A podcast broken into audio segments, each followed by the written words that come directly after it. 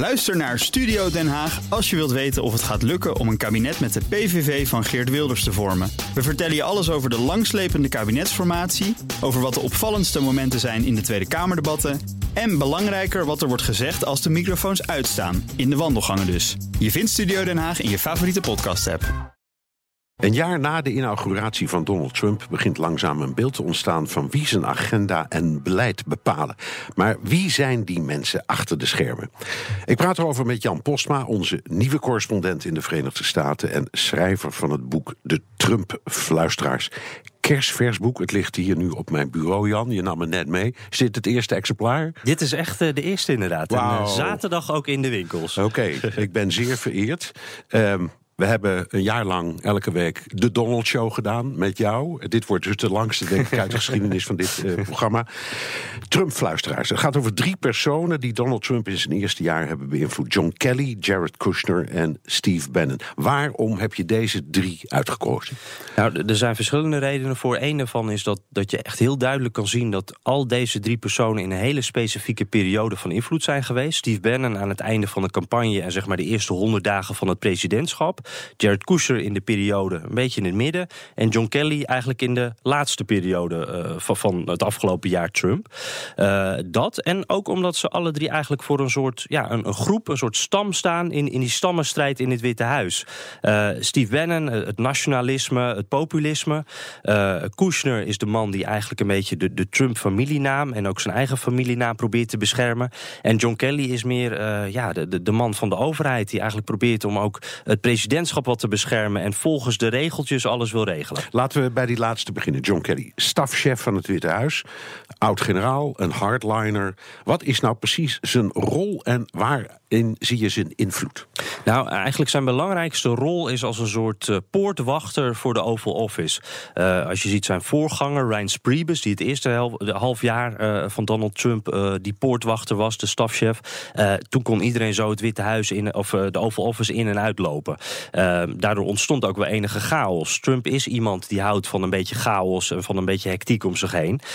Maar het presidentschap leent zich daar niet altijd even goed voor. Dus wat je kreeg is dat er dan weer de een naar binnen rende en dan rende de ander weer naar binnen. En eigenlijk had niemand het wist uiteindelijk wat de president allemaal gehoord had. En de president zelf wist het eigenlijk ook niet meer. Nee, tot, tot aan een journalist toe die daar op een bankje zat en er een boek ja. over schreef. En niemand ja. die het in de gaten had. Nee, klopt. Die Michael Wolff, die is, dat is eigenlijk ook een product, denk ik, van, van, van Ryan zou je kunnen zeggen. Want die zat daar en niemand wist wie nou precies ja had gezegd tegen, tegen die Michael Wolff. En dan, ja, dan kan je er dus zomaar weken achter elkaar zitten.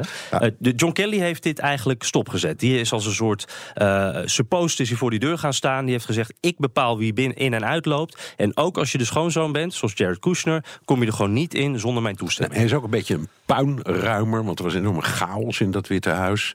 Uh, je had allerlei gedoe over extreem rechts na de demonstratie in Charlottesville, waar Trump rare dingen over zei, over Noord-Korea, de, shithole countries, ik noem maar een paar dingen. Hoe blust Kelly nou dat soort brandjes? Ja, wat, wat Kelly doet is, hij probeert niet te veel op de voorgrond te treden over het algemeen.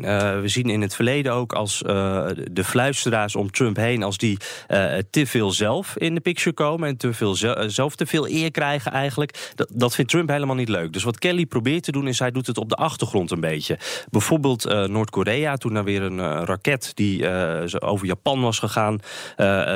Toen heeft uh, Kelly heeft eigenlijk Trump even tegengehouden. Ga nu niet tweeten. En heeft Kelly gezorgd dat via de officiële weg echt een uh, ja, soort persbericht van het Witte Huis naar buiten ging. En dat even die tweets wegbleven. Maar goed, jij weet ook, net als ik, dat die tweets die blijven gewoon komen. Dus en, Kelly. En, de Little Rocket Man kwam toch? Ja, en die kwam ook. En ja. we hebben allemaal die beelden gezien dat John Kelly daar ook in de VN zat uh, met zijn handen voor zijn ogen. hij zegt ook zelf af en toe van ja, ik, ik, die tweets lees ik niet eens. En de president is ook de president. Dus die moet je ook de president laten zijn. Ja. Ook al zegt hij dan soms dingen waar Kelly het volgens mij zelf niet helemaal mee eens is. Nou zijn er berichten dat Ivanka Trump, ik zal maar zeggen de first daughter, uh, van El Kelly af wil. Uh, omdat hij te veel de baas is. Denk je dat Trump naar hem gaat luisteren?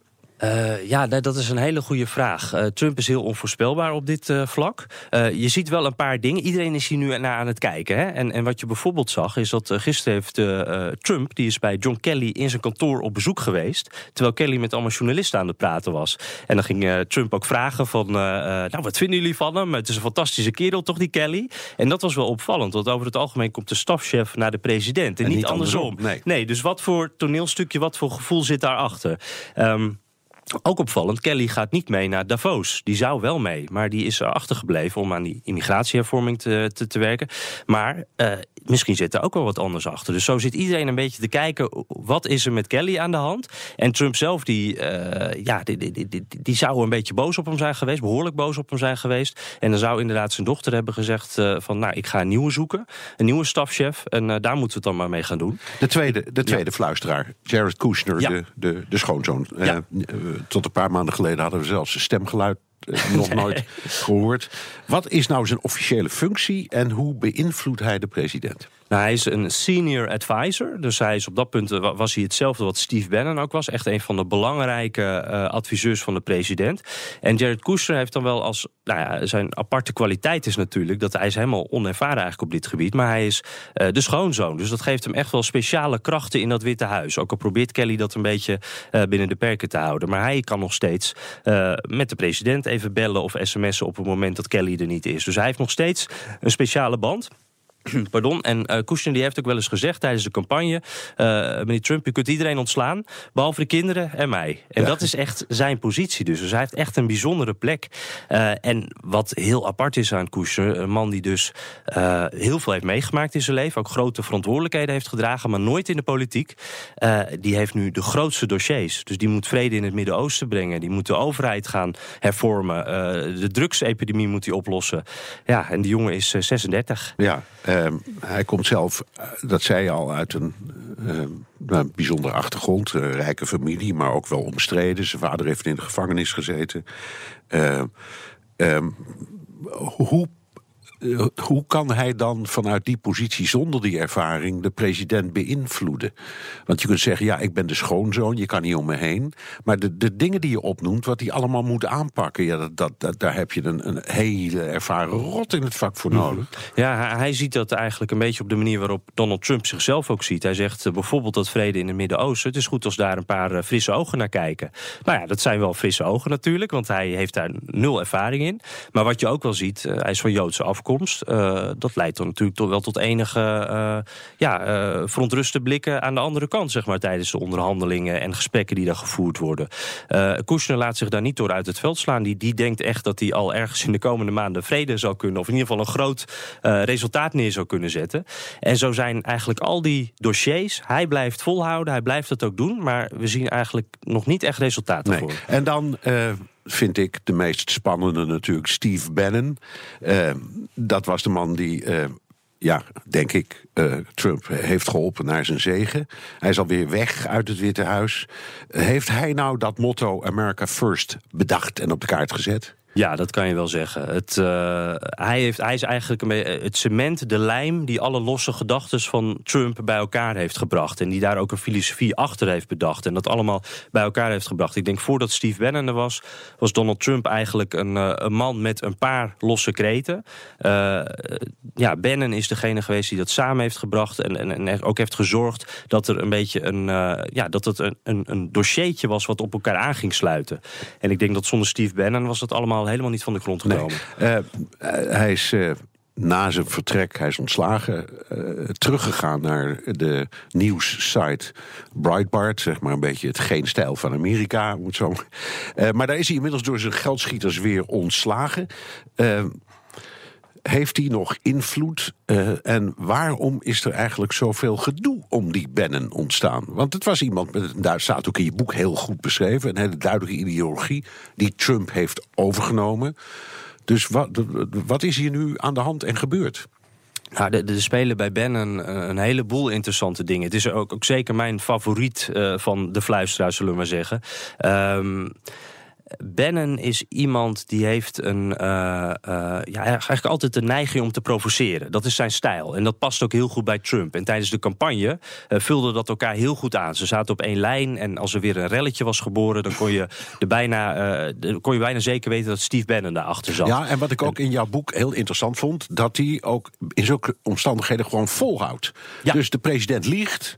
Iedereen zegt hij liegt. En dan is de lijn Bannon, maakt niet uit, we gaan gewoon door met de leugen. Ja, ja we gaan harder liegen. En uh, dan komt er uiteindelijk, uh, het is een soort onderhandelingsstrategie. Er komt er uiteindelijk wel iets uit wat dicht uh, bij ligt wat wij vinden.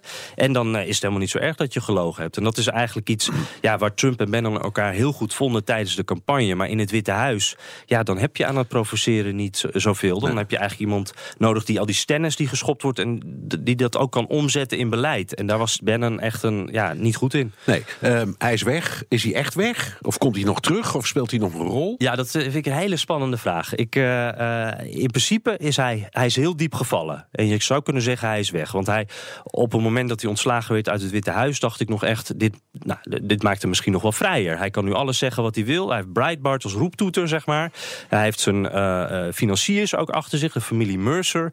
Die, die betalen alles wat hij doet. En hij wilde ook tijdens de midterms die eraan zitten te komen... wilde hij hun geld gebruiken om allerlei kandidaten te steunen. Nou, dan ben je eigenlijk nog steeds een heel machtig man in Washington. Maar hij is die geldschieters kwijtgeraakt, hij is Breitbart kwijtgeraakt. Dus in principe is hij nu een beetje van het podium verdwenen. Maar ik heb wel het gevoel dat, hij, dat, dat de geest van uh, Bannon nog steeds een beetje boven dat Witte Huis rond blijft ja, ja, en, en, de achterban is natuurlijk toch nog erg gebonden aan die man. Hè? Ja, zeker. Het is echt een populaire man. En dat weet Trump ook. En voor Trump is Bannon toch een soort kompas. Uh, iemand die hem af en toe even kan helpen weer op het rechte pad te zetten als het om zijn achterban gaat. En we weten ook dat toen Bannon ontslagen was uit het Witte Huis, dat, dat Trump toch geregeld met hem bleef bellen. Trump was ook degene die belde. En ik zie wel gebeuren dat vroeg of laat uh, Bannon die zit onder de speed dial, dat hij toch weer wordt gebeld door de president. Heel kort even, wat gebeurt er als al die fluisteraars nou wegvallen? Ja, dan hou je een president over die het zelf moet verzinnen. En uh, het cliché is echt waar. Donald Trump luistert naar degene die hij het laatste gehoord heeft. Dus zonder ja. fluisteraars is er niks. Dat is in dit geval Jan Posma. Mijn gast Jan Posma, onze nieuwe correspondent in de Verenigde Staten... en schrijver van het nieuwe boek De Trump-fluisteraars. Uh, Jan, we hadden het er net over door wie Trump nu eigenlijk uh, wordt beïnvloed. Jij gaat nu daarheen. Uh, je vestigt je in Washington. Waarom in Washington? Het klinkt misschien stom, maar ik heb ooit ook voor die vraag gestaan en heb toen voor New York gekozen. Ja, ja, ja, ja. Dat liet je me ook nog wel even weten toen ik toch voor Washington koos. ja, ja, het is een stad die natuurlijk, ja, als je denkt aan uh, spanning en excitement, dan denk je aan New York. Maar voor mij is Washington eigenlijk minstens zo spannend. Um, ik denk het Trump-presidentschap dat draait om die outsider Donald Trump... die midden in dat Washington zit en daar eigenlijk heel veel tegenstanders heeft... en toch probeert iets voor elkaar te krijgen. En dat botst uh, nog alles. En dat zie je op allerlei verschillende plekken in Washington terugkomen. En het lijkt me echt fantastisch om daartussen te zitten... en te zien dat bijvoorbeeld nu niet meer de, de borrelplek... Uh, de, het, het café het dichtste bij het Witte Huis is... maar dat al die Trumpisten in het Trump International Hotel zitten. En dat daar dan ook de lobbyisten komen. En, en het lijkt me heel mooi om te zien hoe dat botsen en dat nieuwe vormen van, van nieuwe machtsblokken, hoe dat daar gebeurt om daar dichtbij te zijn. En daar kun je als journalist ook gewoon bij, zonder accreditatie en zonder gedoe en zonder ja. poortwachters en zo. Dus, dus je, je hebt dan ook de toegang, dat is ja, waar. Ja, en in dat uh, Trump-hotel, daar komen de Trumps zelf ook. Uh, ja. Donald Trump, uh, dat is de enige plek waar hij uit eten is geweest in Washington. Zijn zoons komen daar, Ivanka komt daar. heel veel mensen van zijn achterban en uit zijn regering. Dus nou, die kan je dan gewoon aanspreken. Hij is één jaar president, ligt constant onder het vergrootglas. Ik, ik neem aan dat het Rusland-onderzoek een toppertje voor jou wordt, is het ja. natuurlijk. Ja. even naar het laatste nieuws. Trump zegt nu, ik wil best onder Ede met onderzoeker Mueller praten. Gaat dat dan over het ontslag van Foley en Comey, dus over mogelijke belemmering van de rechtsgang, of over illegale contacten met Rusland, of over allebei? En welke van die twee is nou het gevaarlijkst voor Trump? Zo, ja, uh, dat, dat, dat zijn hele spannende en ook wel moeilijke vragen. Want heel veel van uh, wat op dit moment in het Rusland-onderzoek uh, gebeurt, dat weten we eigenlijk niet. We hebben alleen hints af en toe. Dat we zien dat iemand wordt verhoord of iemand wordt opgepakt of, of er gebeurt wat. En dan krijgen we zo kleine brokjes en dan weet je een beetje welke kant dat op gaat.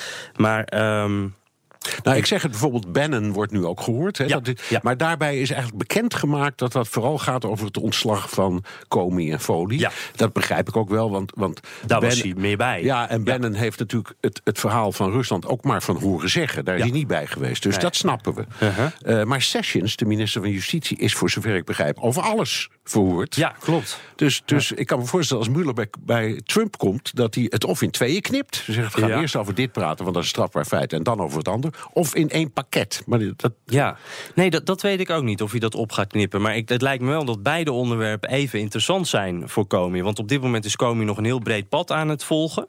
Eh, en, en beide onderwerpen komen daarin terug. En Trump die is toch een speel. We weten niet of hij de speel in beide verhalen is. Maar is natuurlijk wel het belangrijkste in beide verhalen. Dus als ik eh, hem zou zijn, dan zou ik gewoon allebei pakken. goed, eh, begrijp ik, zou ik waarschijnlijk ook doen. Maar, eh, Dan alles vragen, Ja, toch? ja, zo is dat. Doe hier ook. Het is het jaar van verkiezingen, midterms heet dat. Maar het is gewoon de verkiezing van het parlement. Alle leden van het huis en een derde van de senaat. Waar ga jij nou precies op letten in dit verkiezingsjaar? Nou, ik ben heel benieuwd hoe de Trump-kiezer zich gaat voelen en op dit moment al voelt eh, over het beleid van Donald Trump. Eh, er zijn verschillende dingen waar ze denk ik heel blij van worden. Eh, ik las net toevallig nog een artikel dat ging over gebieden waar veel kolenmijnen zijn. Ook allemaal veel Trump-stemmers natuurlijk die heel blij zijn dat er weer kolenmijnen open zijn gegaan.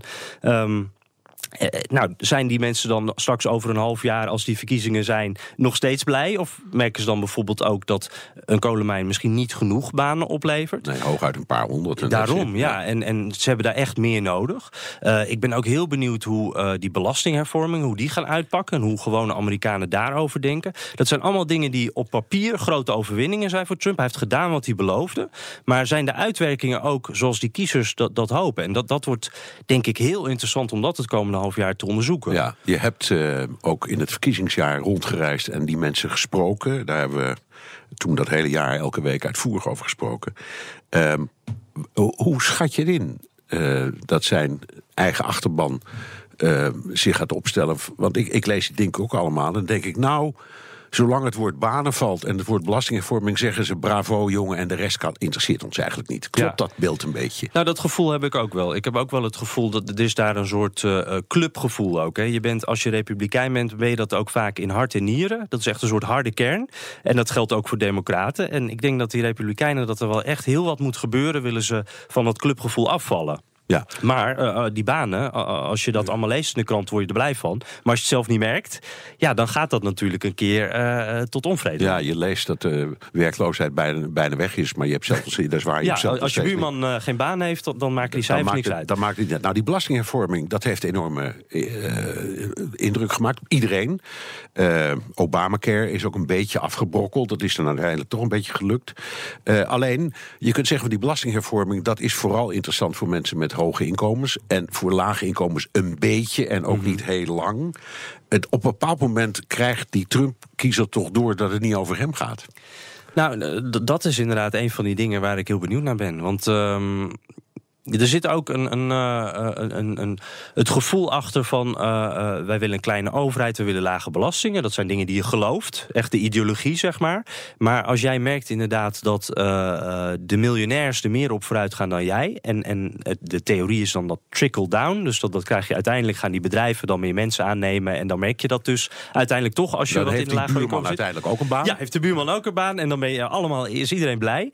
Maar eh, dat is natuurlijk sowieso iets wa- wat meer op de lange termijn is. Dus dat gaat nog wel even duren. Dat gaat voor die verkiezingen niet gebeuren.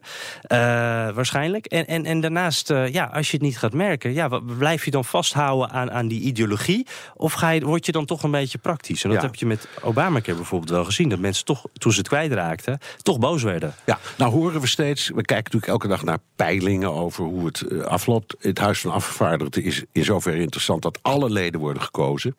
Dus daar is de kans dat de Democraten een slag kunnen maken groot.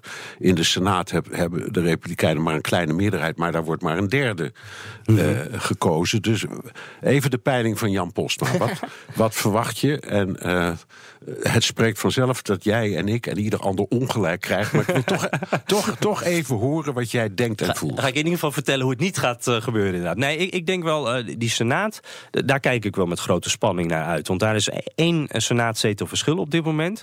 Eh, het verschil kan niet kleiner. nou, en, en, en elke zetel daar kan dus het verschil maken. En uh, dus dat zie ik echt wel als een reële mogelijkheid.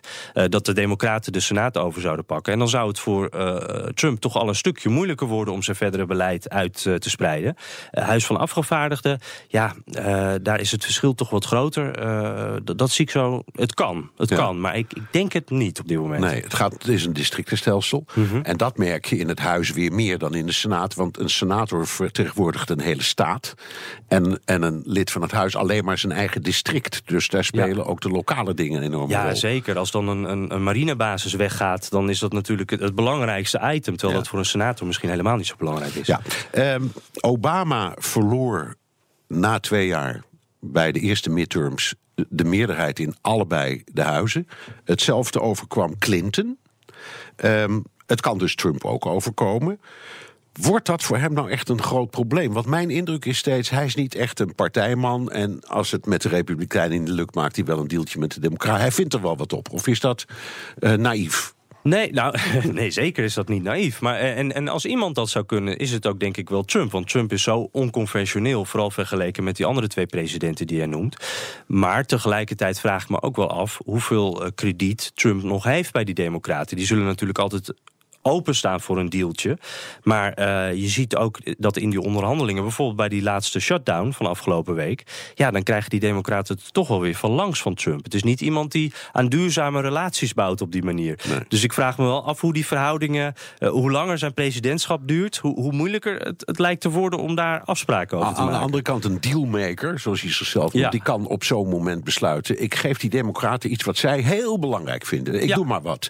Uh, het intrekken van het voornemen om illegale kinderen ja. uh, uh, uit te wijzen. Dat trek ik gewoon in. Ik Ja. geef de democraten een cadeautje. Dan heeft hij ze weer. Ja, dat zou heel goed kunnen. Dat is een beetje wat hij ook gedaan heeft. Hè? Alleen even later zegt hij dan weer wat anders. Dus dat, dat maakt het wel heel moeilijk. Ja. Ik denk er tot nu toe hè, is het hem nog niet gelukt om op zo'n manier uh, across the aisle een dealtje te sluiten. Je wordt correspondent voor alle Nederlanders over alle Amerikanen. Dus we moeten het ook even hebben over de Democraten. We hebben nog een minuutje, dus.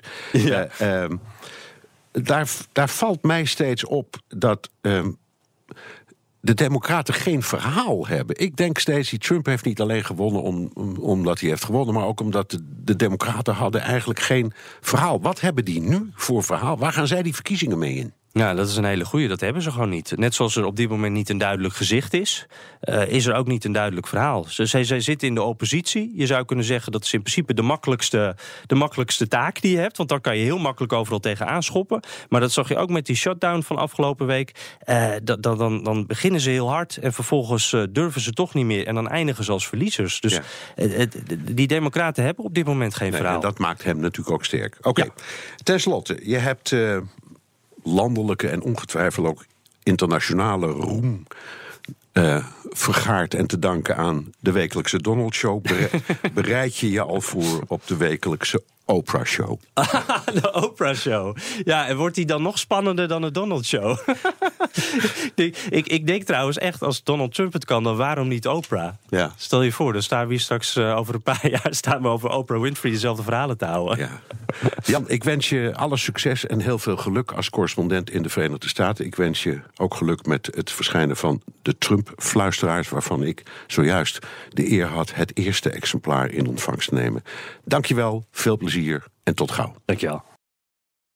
Ook Harm Edens vind je in de BNR-app. Je kunt BNR Duurzaam niet alleen live luisteren in de app, maar ook terugluisteren als podcast, zoals al onze podcasts. En naast dat de BNR-app Breaking News meldt, houden we je ook op de hoogte van het laatste zakelijke nieuws. Download nu de gratis BNR-app en blijf scherp.